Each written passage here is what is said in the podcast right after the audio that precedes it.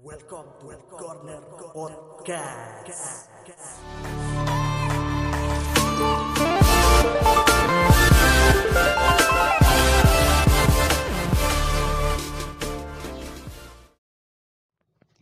Halo, welcome back to Corner Podcast.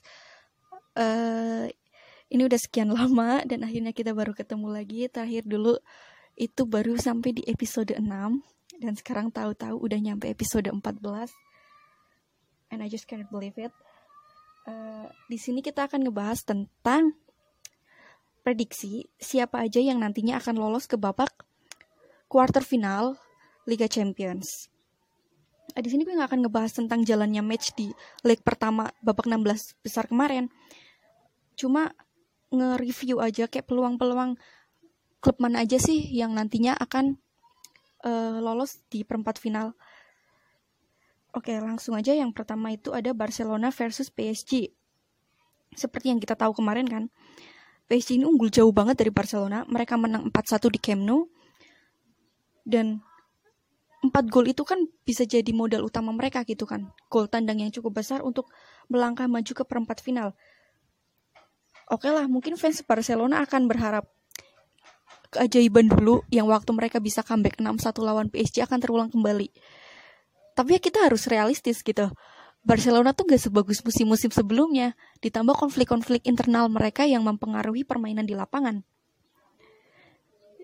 Jadi, eh, kalau ditanya siapa yang layak lolos, jelas PSG sangat layak untuk lolos di perempat final.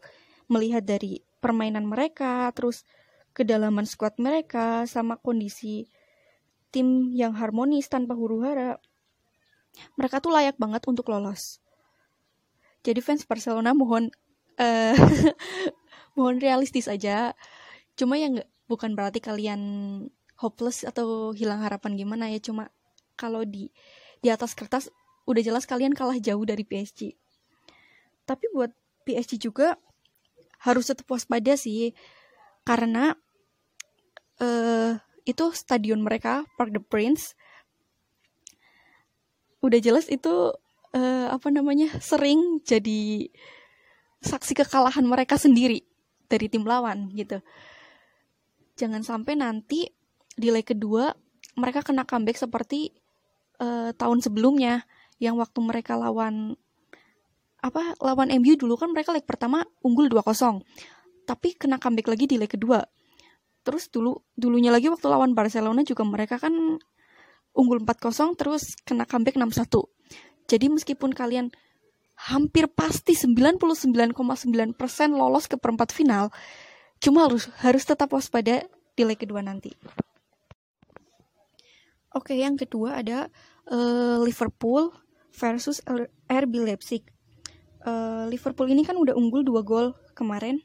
Tapi kalau menurut gue pribadi itu eh, unggul 2-0 di leg pertama itu belum bisa dikatakan aman. Masih terlalu riskan untuk kena comeback di leg kedua nanti. Apalagi permainan RB Leipzig ini mengandalkan pressing-pressing ketat kan. Jadi emang harus ekstra waspada banget walaupun mungkin di atas kertas Liverpool emang kayaknya udah pasti lolos gitu.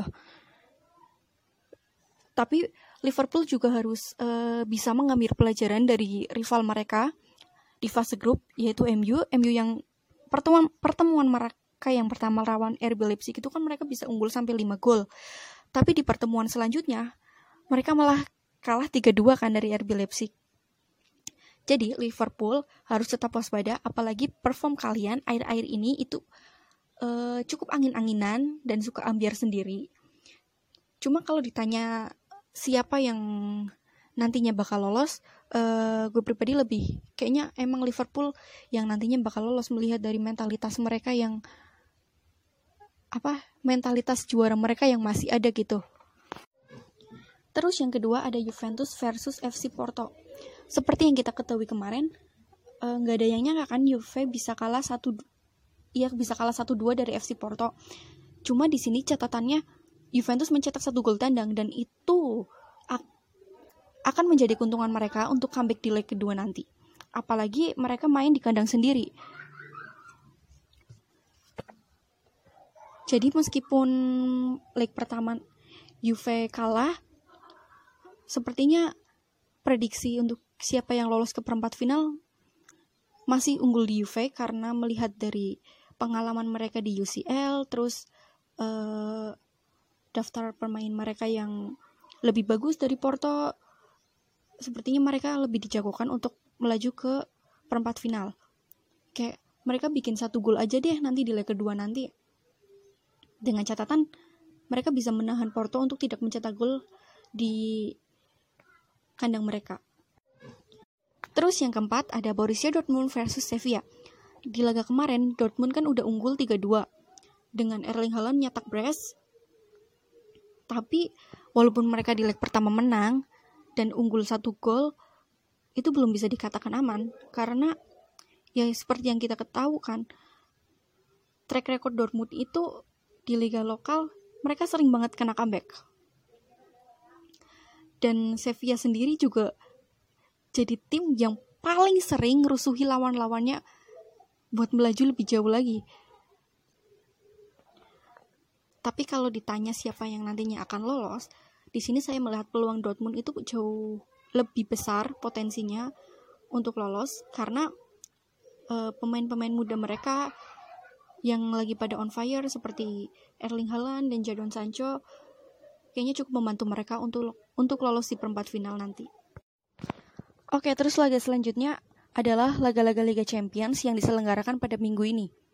Yang pertama adalah Bayern Munchen versus Lazio, di mana Bayern Munchen menang dengan skor 4-1. Tapi meskipun skor Bayern Munchen cukup mencolok, yaitu 4-1 dan sudah bisa diprediksikan mereka akan melaju ke perempat final, tapi perlu diingat lagi kalau mereka itu menang dengan skor 4-1, tapi cukup kesulitan juga menghadapi serangan-serangan dari Lazio, terutama di babak kedua. Mereka tertolong karena Manuel Neuer bisa menjaga gawangnya dengan baik dan beberapa kali melakukan save-save krusial. Tapi bagaimanapun juga, Bayern Munchen diunggulkan untuk lolos ke perempat final dengan status mereka yang sebagai juara bertahan dan agregat gol di leg pertama yang sepertinya kayaknya mustahil untuk dikejar oleh Lazio. Terus selanjutnya ada Chelsea versus Atletico yang menurut saya ini laga terseru di Liga Champions minggu ini. Uh, di sini Chelsea menang dengan skor 1-0 berkat golnya Oliver Giroud. Uh, meskipun Chelsea menang,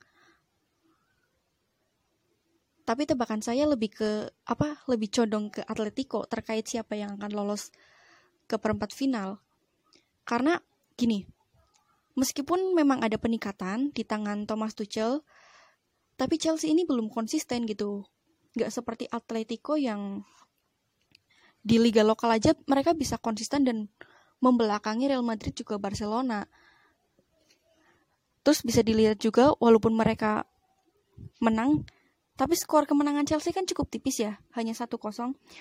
Terus permasalahan Chelsea juga tetap ada di sektor serangan di mana setiap laga mereka bisa unggul ball possession dengan lawan tapi gol-gol yang mereka cetak itu cuma paling satu dua aja gitu.